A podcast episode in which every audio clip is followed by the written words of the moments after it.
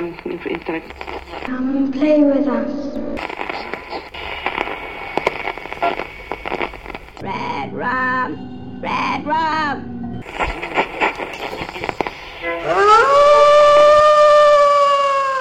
Witam serdecznie w 98 odcinku podcastu Radio Stephen King.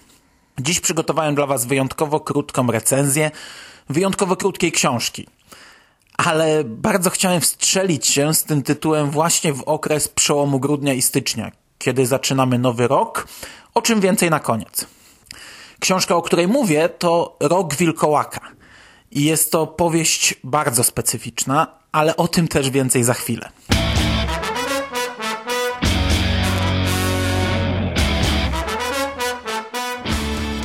Po pierwsze, jak sam tytuł wskazuje, jest to historia wilkołaka. Wilkołaka nawiedzającego miasteczko Tucker's Mill, czyli miejsce znane fanom Kinga z innych książek. Jako przykład wystarczy choćby podać powieść pod kopułą, której akcja rozgrywa się w Chester's Mill, sąsiadującym miasteczku. Zaś oba te miasta są bardzo często wspominane i nazywane przez mieszkańców Twin Mills, czyli bliźniacze młyny. Ja nigdy nie ukrywałem, że nie lubię wilkołaków. I z klasycznych horrorowych potworów te przejadły mi się wyjątkowo mocno.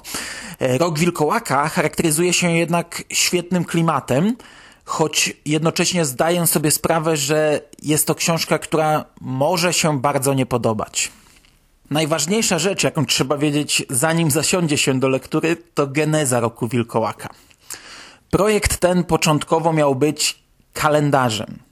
King miał napisać krótkie notki, a te miały zostać umieszczone po kolei w każdym miesiącu i razem łączyć się w całość. Historia jednak, no, troszkę się rozrosła i ostatecznie została wydana w postaci ilustrowanej książki. I już na starcie powiedzmy sobie otwarcie, że trzeba być szaleńcem, by prosić Stephena Kinga o napisanie krótkich historyjek do kalendarza. Kinga.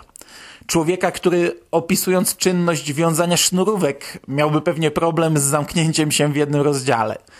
Człowieka, którego kiedy Scott Snyder poprosił o blurpa na okładkę amerykańskiego wampira, to dostał scenariusz komiksu. Serio, King jest jedną z ostatnich osób, które prosiłbym o krótkie anegdotki do kalendarza. I też wcale nie dziwi mnie, że ostatecznie wyszło z tego coś, co nie jest ani kalendarzem, ani powieścią. A poszczególne miesiące nie są ani krótkimi anegdotkami, ani też pełnoprawnymi opowiadaniami, yy, bo autor najwyraźniej starał się z całych sił, by pamiętać o ograniczeniach i choć yy, co oczywiste, ani razu nie zamknął się w jednej stronie na miesiąc, to często jest to około trzech stron. A to z jednej strony za dużo, by spełniać rolę kalendarzowej notki, a z drugiej nieco za mało, by taki autor jak King mógł rozwinąć skrzydła. Niestety wyszło z tego coś o tyle wyjątkowego, że dostajemy 12 urywków dłuższej historii. King nie może płynnie przechodzić między pełniami księżyca, więc wrzuca nas często w środek wydarzeń. Zresztą większość tych rozdziałów to jest jednak krótki opis kolejnych śmierci. Główny bohater, czyli niepełnosprawny chłopiec poruszający się na wózku inwalidzkim, który podejmuje walkę z wilkołakiem, pojawia się dopiero w lipcu, czyli w siódmym rozdziale książki. Potem znika aż do września, a następnie powraca jeszcze tylko w październiku i grudniu. W związku z czym główny wątek powieści zajmuje y, tylko jej cztery rozdziały. Y, ze dwa kolejne dotyczą tożsamości bestii, a pozostałe sześć to po prostu krótkie opisy kolejnych śmierci, o których już mówiłem. Oczywiste jest więc, że nie można było zrobić z tego kalendarza. Ale z drugiej strony nie jest to też ani opowiadanie, ani normalna powieść. Trzeba więc było wykombinować, jak to wydać. W oryginale premierowo książka ukazała się jako produkt limitowany, tylko dla fanów.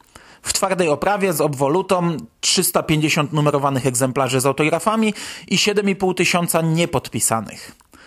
Potem oczywiście książka trafiła do normalnej sprzedaży, wydanie handlowe było już oprawione w miękką okładkę, a Rok Wilkołaka poszedł w świat. U nas na razie wydał to tylko Pruszyński i spółka traktując Rok Wilkołaka raczej jak zwykłą książkę. Mm, pierwsze polskie wydanie można od biedy potraktować jako pewnego rodzaju ekskluzyw. Nie był to pierwszy King od Pruszyńskiego w sztywnej oprawie, ale wyróżniała go nowa szata graficzna. Mm, choć ta potem stała się standardem na kolejnych premierach i wznowieniach, więc wyjątkowość książki dość szybko zniknęła w tłumie innych podobnie wydanych tytułów. Drugie wydanie niczym już nie różni się od całej serii wydawniczej, a szkoda, bo ta książka powinna się odróżniać, bo potraktowana jak zwykła powieść stoi na starcie na straconej pozycji. Rok Wilkołaka zwyczajnie nie może konkurować z normalnymi powieściami Kinga. E, jakiś czas temu tytuł przejął Albatros, ale od tego czasu no, jest cisza w temacie. E, Rok Wilkołaka nie znajduje się w nadchodzących zapowiedziach wydawniczych, więc ewentualne kolejne wydanie tej książki może jeszcze trochę potrwać. Oczywiście całą historię trzeba było jakoś napompować, do rozmiarów nawet tak malutkiej książki. Po pierwsze, bardzo fajnie podzielono całość na rozdziały. E, przed każdym kolejnym segmentem znajduje się całostronnicowy spis 12 miesięcy z wyróżnionym tym aktualnym. A dodatkowo książka ma bardzo dużo ilustracji, które tym razem zdobią też polskie wydanie. Autorem grafik jest Bernie Wrightson, który wykonał ilustrację m.in. do wydanego również w Polsce komiksu Creepshow oraz do amerykańskich wydań powieści Bastion, Buick 8 i piątego tomu Mrocznej Wieży. W przypadku Roku Wilkołaka jest to dość pokaźny zbiór rysunków, w którego skład wchodzi zarówno 12 kolorowych ilustracji, po jednej na każdy miesiąc, 12 dużych, dwustronnicowych, czarno-białych rysunków umieszczonych przed każdym rozdziałem i 12 małych, czarno-białych rysunków umieszczonych na końcu każdego z miesięcy. Są to oczywiście świetne prace, szczególnie jeśli lubi się styl tego autora. Ale niestety wiąże się z nimi też spory dyskomfort podczas czytania książki. Te ilustracje bardzo dużo spoilerują. Chyba każda z nich jest umieszczona za szybko, co czasem jest uzasadnione małą objętością tekstu zapełniającego dany rozdział. Większość z tych rozdziałów, tak jak już powiedziałem, ma po trzy strony i opisuje tylko kolejne morderstwa, co daje niewielkie pole do popisu dla rysownika i niewiele możliwości na umieszczenie tej ilustracji, dlatego trafia ona w środek i automatycznie zdradza nam dalsze wydarzenia, czyli samo morderstwo. Czasem jednak wydawca mógł zrobić to inaczej. W pierwszym polskim wydaniu lipcowa ilustracja w najdłuższym rozdziale z książki znajduje się pięć stron przed wydarzeniami, które przedstawia, a to w przypadku tej książki jest bardzo dużo. Niestety również tożsamość bestii zdradza nam ilustracja. E, choć w tym przypadku faktycznie ciężko było umieścić to gdzie indziej. To jest bardzo krótki rozdział i tożsamość wilkołaka jest podana w nim na samym końcu. Więc niestety czytelnik poznaje tego bohatera już z ilustracji, która siłą rzeczy musiała być umieszczona trochę wcześniej. Nieco lepiej jest to rozwiązane w drugim wydaniu, y, choć nadal chyba każdy rozdział ma spoiler. Jednak trzeba przyznać, że wydawca trochę lepiej starał się kombinować i umieszczał ilustracje nie tylko na parzystych, ale też na nieparzystych stronach, y, przez co nie zawsze tak mocno spoilerują. A do tego trochę inaczej rozkłada się tekst. Pruszyński w nowej serii zmienił format książki i to wydanie ma o ponad 10 stron mniej, co przy objętości około 130 stron robi sporą różnicę. Podsumowując, jest to książka, która trochę wymyka się klasycznej ocenie. Można ją lubić, można jej nie znosić, można też być bardzo złym, gdy kupi się ją w ciemno. Choć zaznaczyć trzeba, że ceny nie były jakoś przesadnie wywindowane i oba wydania kosztowały około 25 zł. Jeśli chodzi o moją ocenę, to strasznie lubię tę historię, ale w przypadku całej książki również ciężko ocenić mi ją sprawiedliwie. Nie bez powodu jednak chciałem zmieścić się z tym podcastem jeszcze przed końcem stycznia. Mam bowiem dla Was propozycję pewnej zabawy, którą przyznaję, że nie ja wymyśliłem. Jeszcze na starym forum, dokładnie w grudniu 2005 roku, jeden z użytkowników napisał, że dostał tę książkę rok wcześniej na gwiazdkę i czytał ją w taki sposób, z jakim zamiarem była ona tworzona. Mianowicie czytał po rozdziale miesięcznie, rozciągając na cały rok lekturę powieści, którą zamknąć można przecież w jeden wieczór, a nawet w godzinę. Przy dobrym zatwardzeniu to jest przygoda na jedno posiedzenie.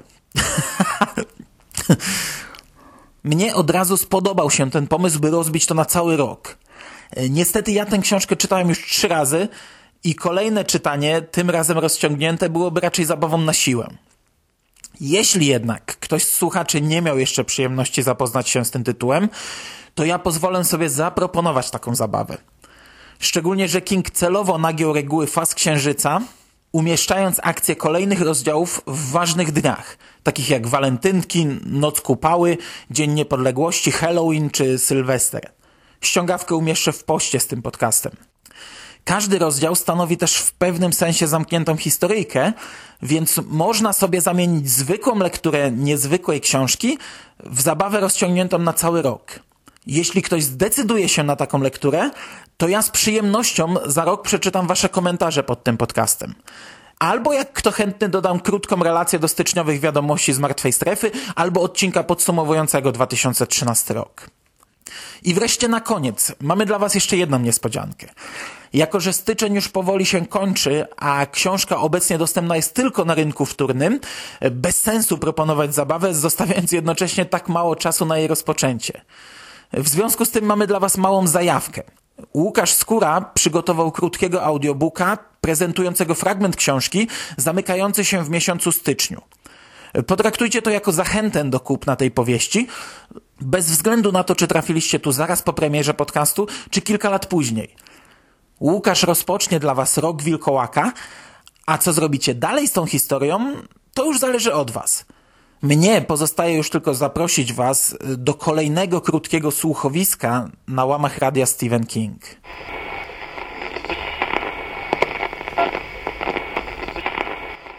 Styczeń. Gdzieś w górze świeci księżyc.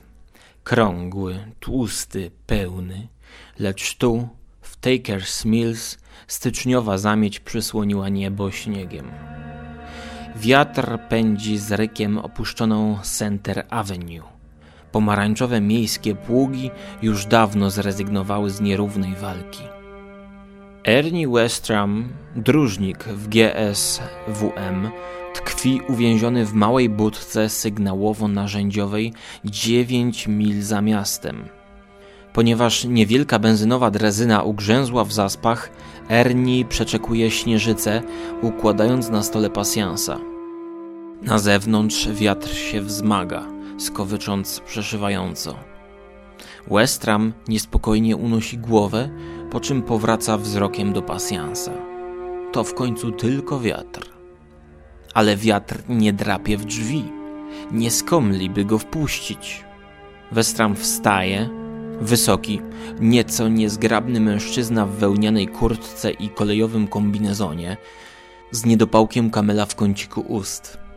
Miękki pomarańczowy blask wiszącej na ścianie lampy naftowej oświetla jego pobrudzoną, surową twarz. Znów to drapanie. Czyjś pies, myśli Ernie. Zabłąkany chce dostać się do środka. To wszystko, ale stoi niezdecydowany. Pozostawienie zwierzęcia na takim mrozie byłoby nieludzkie. E, nie, żeby tu w środku było znacznie cieplej. Mimo, że akumulatorowy grzejnik pracuje pełną parą, w powietrzu w każdym oddechu widać biały obłok. Lecz Ernie waha się. Tuż pod sercem czuje zimny palec strachu. Ostatnio w Taker's Mill coś się popsuło. Omeny zapowiadały nadejście zła. Ernie ma w żyłach walijską krew swego ojca i dręczą go złe przeczucia. Nim zdąży zdecydować, co zrobi ze swym gościem, cichy skowyt narasta gwałtownie i przechodzi w warkot. Słychać łoskot, coś niewiarygodnie ciężkiego uderza w drzwi. Cofa się i uderza ponownie. Drzwi wyginają się, drżą. Przez szczelinę wpada do środka obłoczek śniegu. Ernie rozgląda się gorączkowo w poszukiwaniu czegoś, czym mógłby je podeprzeć. Nie ma jednak nawet czasu sięgnąć po lekkie krzesło, na którym siedział, bo warczący stwór ponownie, z niewiarygodną siłą uderza w drzwi, które pękają z trzaskiem.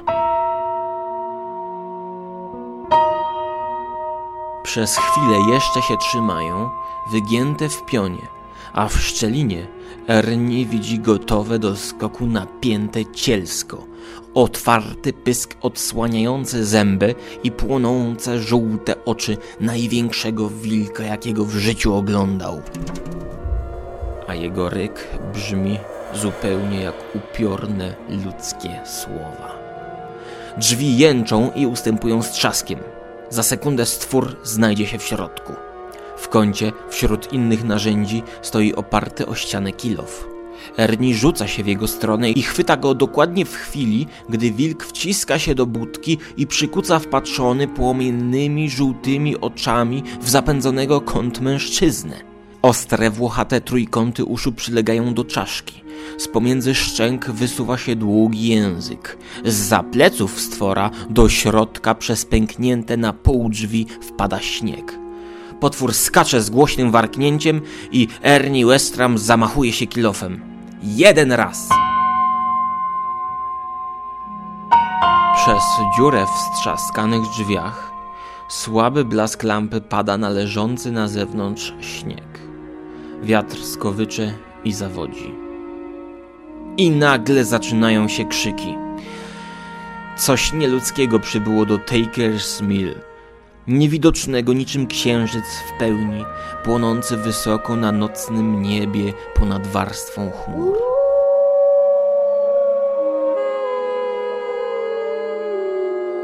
To wilkołak. I nie ma żadnej przyczyny, dla której zjawił się tu i teraz. Równie bez powodu jak rak, psychopata o morderczych skłonnościach czy zabójcza tręba powietrzna. To jego czas, jego miejsce. Tu, w małym miasteczku w stanie Maine, gdzie co tydzień urządza się kościelne podwieczorki, mali chłopcy i dziewczynki wciąż przynoszą nauczycielom jabłka, a lokalna, cotygodniowa gazeta z namaszczeniem opisuje organizowane przez klub seniora pikniki. W przyszłym tygodniu w gazecie pojawią się wieści mroczniejszej natury. Na dworze śnieg zaczyna zasypywać ślady. Zdaje się, że w skowycie wiatru słychać niezwykłą, dziką radość. Dźwięk ów nie ma w sobie nic z Boga czy światła. To pozbawiony uczuć głos czarnej zimy, mrocznego lodu. Rozpoczął się rok